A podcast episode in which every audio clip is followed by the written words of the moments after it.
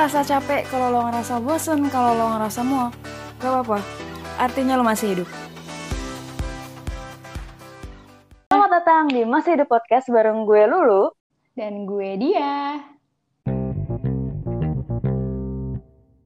Halo guys, balik lagi bareng gue dan dia. Uh, sorry banget minggu kemarin kita nggak sempat uh, buat recording. Nah, malam ini kita akan recording lagi. Hmm, masih di podcast. Hari ini bakal bahas tentang sesuatu yang sensitif di umur-umur uh, 25 ke atas, yaitu uh, tentang tuntutan menikah. Hmm. Nah, sekarang sebelum mulai gue mau nanya dulu nih di sama lo nih di. Seberapa sering uh, lo dapat undangan nikah setelah umur lo 25 tahun? Sering. Sesering apa nih? Misalnya seminggu sekali atau sebulan berapa kali gitu? Uh, sebulan ada sih pasti ada sebulan. Tapi pas tahun ini bulan ini aja tiap minggu ada yang nikahan temen gue. Sama banget. Dan kebetulan gue lagi di Serang kan, teman-teman gue di Serang, ya maksudnya gue sekolah sampai SMA di Serang, itu tiap minggu minimal satu atau dua yang nikah dan aduh bayangin dong kayak gila gue tiap uh, apa namanya uh, ke undangan tuh pasti ditanya gitu loh sama nyokap gue, kamu kapan gitu. Ini kan uh, udah nih frekuensi. Pertanyaan selanjutnya di hmm? tentang usia menikah. Menurut lo nih, sebenarnya usia berapa sih yang paling tepat untuk nikah? Kenapa sih kita di usia 25 nih udah banyak banget dapat uh, pertanyaan kayak gitu?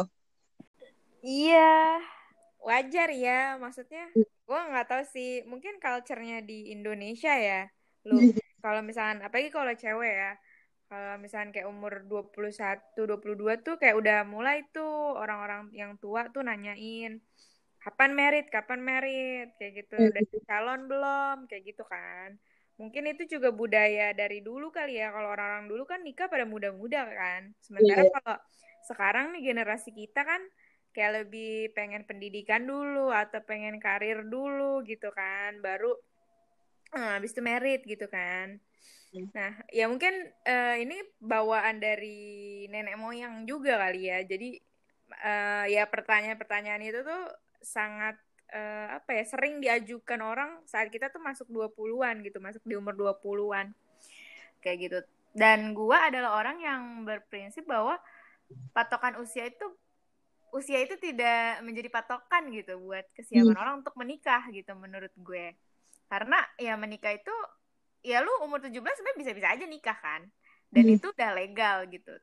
Balik lagi kalau menurut gue yang lebih penting itu ya lu mentalnya udah siap apa belum, finansial lu udah siap atau belum. Jangan sampai lu build family tapi lu nggak punya modal apa-apa kayak gitu kayak cuman modal hmm. istilahnya modal nafsu lah kalau bisa dibilang kasar gitu ya maksudnya kayak hmm. modal nafsu aja gue mau memenuhi apa kebutuhan biologis gue misalnya kayak gitu dan capek mungkin ya capek meladeni pertanyaan orang-orang itu gitu kan. Hmm.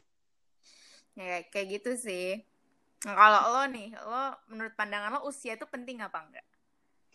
Sangat tidak penting sih menurut gue maksud gue ya sama kayak lo gitu. Gue juga ngerasa kayak sebenarnya tuh nggak ada patokan secara angka ya untuk usia kesiapan menikah gitu. Mungkin tapi kalau secara biologis memang ada gitu kan. Tapi kan ini nggak cuma tentang tadi biologis tapi tentang mental juga bener kayak uh, ya mungkin kita umur 25 juga siapa tahu ada yang memang secara mental udah siap tapi ada juga yang belum jadi bener-bener tergantung ke orangnya gitu loh. Even misalkan sebenarnya kayak gua atau lo sebenarnya mentalnya tuh udah siap buat nikah. Tapi memang keinginannya belum ada gitu loh, belum ada gue pengen nikah ngapain gitu loh. Gue masih pengen ya tadi kayak aktualisasi diri segala macam ya kan karena memang ya kalau ngomongin pergeseran budaya sebenarnya ya pasti ada yang tadinya kayak nikah umur bahkan SMP gitu kan kalau orang kampung ya kan umur 20 aja tuh udah tua banget kalau belum nikah. Yeah. Kalau sekarang kan kayak 25 tuh kayak anjir itu tuh masih muda banget apalagi gue ngerasa ya semakin gue tua gue tuh merasa semakin muda gitu loh karena ya uh, apa pemahaman terhadap hidup makin ini kan makin dalam. Jadi kayak kok gue malah makin semangat gitu loh. Jadi kayak nikah tuh uh, gue masih mikir-mikir gitu. Gue belum belum sampai tahap sana pun di agama kita sebenarnya apa namanya uh, ada ini juga kan ya dia. Kayak orang yang sebenarnya udah wajib nikah tuh yang seperti ini gitu. Syaratnya kayak satu dua tiga ya kan. Nggak yeah. cuma tentang biologis segala macam kayak gitu. Jadi ya bener kalau ngomongin usia sebenarnya gue nggak bisa jawab kayak nggak ada patokan uh, usia buat siap menikah. Kayak gitu. Sama sih dengan lo. Betul banget. Nah tapi uh, tapi ya kan. Uh -uh. tadi ngomongin mental ya dia. Nah kalau kita ngomongin mental sebenarnya menurut lo nih uh, apa sih yang harus kita persiapkan sebelum nikah? Apa? Mm -mm, apa aja gitu aspek yang membuat kita bisa bilang kalau kita tuh sebenarnya udah siap buat nikah. Oke. Okay. agak berat ya pembahasan. Ya sebenarnya kalau merit tuh menurut gue kompleks ya sebenarnya. Ya kita nggak nggak mau bilang sulit dan nggak mau bilang gampang juga sih sebenarnya. Dan dan banyak juga kan sekarang tuh kelas-kelas pranikah kayak gitu kan. yeah, yeah. adain buat uh, apa mempersiapkan diri lah gitu untuk menyongsong dunia pernikahan kayak gitu kalau dari segi mental sendiri sih uh, sebenarnya pertama sih setelah gue lihat-lihat hmm. lo harus siap dulu sama diri lo sendiri maksudnya gini saat lo nikah lo uh, akan berdampingan sama orang itu sampai mati gitu kan hmm Nah kalau lu lu nggak siap untuk menerima kehadiran orang lain di hidup lo, itu bakal susah ke depannya kayak gitu. Mm. Karena ya lo bukan pacaran lagi yang kayak uh, pacaran kan uh, apa namanya sejam dua jam ketemu terus kalau misalnya lo bete ya udah lo tinggal pulang gitu. Tapi kalau nikah lo satu atap men, lo mau marah-marah sampai kapan gitu kan? Lo mau diem sampai kapan kayak gitu kan? Nah, kayak gitu. Terus uh, abis itu uh, lo harus tahu nih peran lo di rumah tangga itu sebagai istri atau sebagai suami, sebagai ayah dan sebagai ibu itu kayak gimana. Mm-hmm. Kalau lo nggak tahu peran lo dan tanggung jawab lo, menurut gue ya lu cuma ruin your life aja. Atau malah mungkin ngancurin hidup orang lain kayak gitu loh. Kalau lo iya, nggak tahu ke depannya, lo lo harusnya bertindak sebagai apa sih gitu kan di rumah tangga itu kalau nggak tahu gitu kan. Terus abis itu menurut gue yang paling berat itu anak. Anak tuh kan ya pasti ada lah. Uh, setiap orang yang nikah nggak memungkiri lah pasti pengen punya anak pengen hmm. melanjutkan keturunan gitu nah anak itu menurut gue adalah uh, apa ya tanggung jawab terbesar sih dalam suatu pernikahan gitu kan hmm. ya amit-amit juga misalnya suatu hari uh, misalnya rumah tangga itu hancur broken gitu hmm. Nah, tapi kan anak itu tetap ada gitu. Anak itu tetap harus kita jaga, kita maintain dan kita apa namanya? kita uh, didik dengan baik gitu supaya dia jadi manusia yang nggak toksik di lingkungan dia di ke depannya kayak gitu kan ya itu sih. Maksudnya banyak banget lah uh, kalau ngomongin mental di pernikahan tuh banyak banget aspek yang menurut gue ya. Hmm. itu sih. Kalau dari gue itu dulu. Hmm. kalau okay. ada tambahan? Uh, ada. Tapi bener sih gue setuju. Pertama lo harus tahu diri lo sendiri. Itu benar kenapa? Karena memang ya nanti lo kalau misalnya udah nikah tuh ya lo harus tahu gitu. Apa yang lo inginkan apa yang lo pantas dapatkan gitu kan bener kan? Uh, pertama tahu diri kita sendiri dulu kayak gimana terus model uh, sorry model metode kita. Kalau misalnya nanti kita pengen didik anak seperti apa terus kayak masalah finansial kita seperti apa. Dan ini nggak cuma kenal diri kita tapi kenal si partner kita juga. Nah, itu termasuk kayak finansial, terus cara dia dididik seperti apa, dan cara dia nanti mendidik anaknya seperti apa. Itu kayak gue rasa dari awal tuh lo harus udah punya kesepakatan gitu loh. Karena memang kebanyakan yang terjadi ya kan, ya maksudnya teman-teman kita yang udah nikah pun, atau misalnya gue lihat kayak misalnya kakak gue, atau misalnya tetangga gue, atau siapa pun gitu, orang-orang yang udah menikah, ternyata uh, begitu mengalami apa namanya masalah-masalah baru di pernikahan ya kan mereka juga pasti first timer kan first timer. Dan mereka bingung gitu harus apa harus kayak gimana. Itu sih yang masalah. Dan sebenarnya kayak finansial terutama itu penting banget sih menurut gua.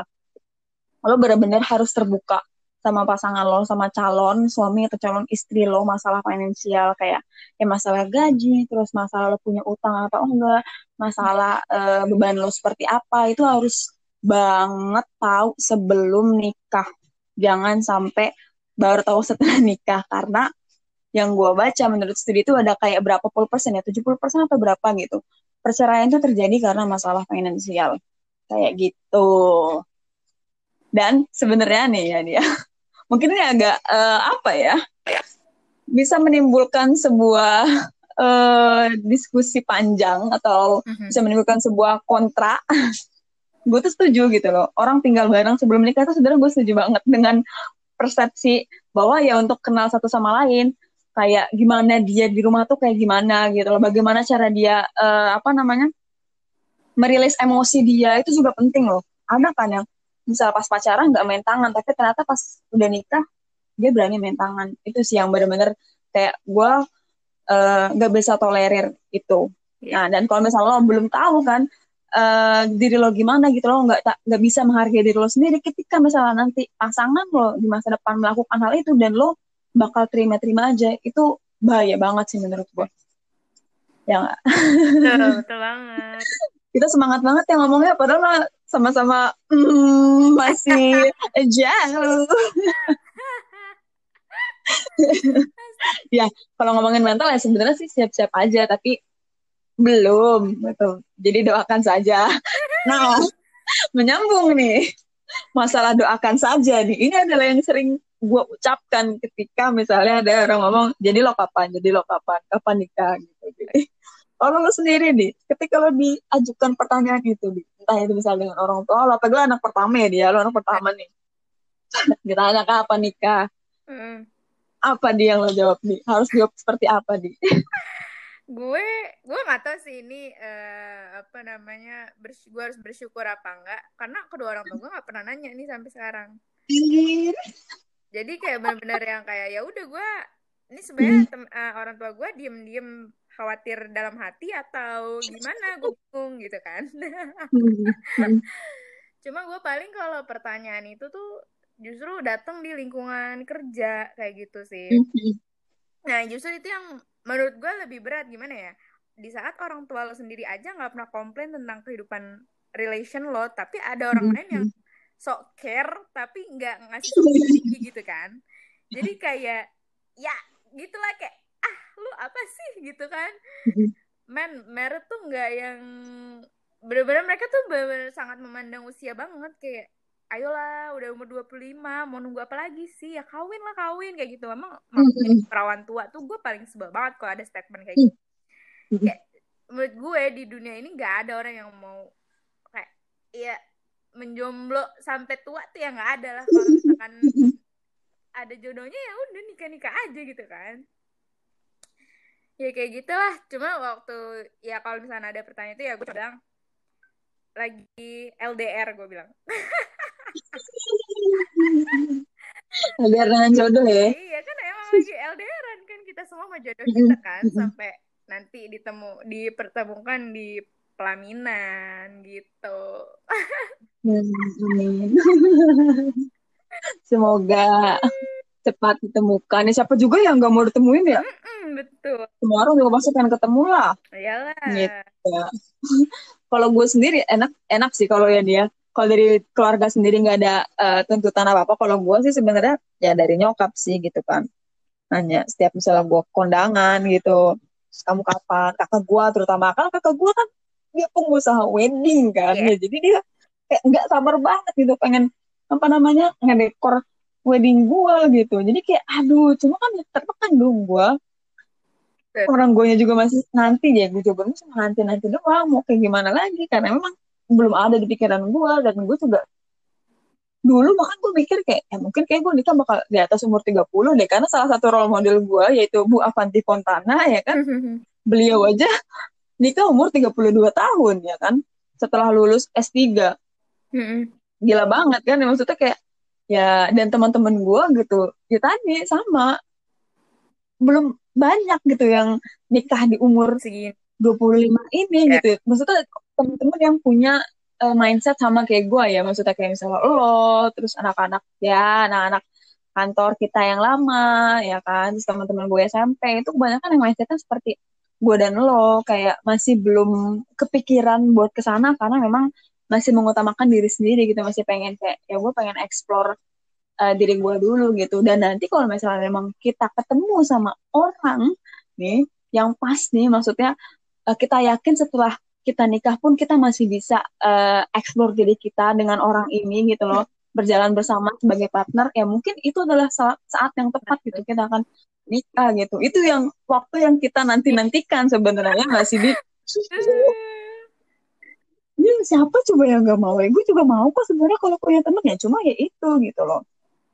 Kan ada satu dan lain hal yang mungkin membuat kita belum merealisasikannya kayak gitu. Jadi ya gue juga sebenarnya nggak punya jawaban selain ya doain aja atau nanti udah gitu doang. Dan ya paling kayak gue pernah sih uh, kayak ngobrol sedikit juga sama nyokap gue kayak ya gue masih belum uh, kepikiran buat ke sana tapi gue pasti nikah kok kayak gitu udah sih bukannya gue nggak mau nikah ya hmm. belum ini aja gitu belum waktunya yeah. gitu kan beda ya beda dengan orang yang punya prinsip nggak mau nikah gitu kalau ini kan kita belum mau menikah betul betul tapi emang uh, gitu. ini sih waktu waktu itu gue pernah nonton vlognya siapa VJ Daniel sama Herjunot Ali kayak mm -hmm.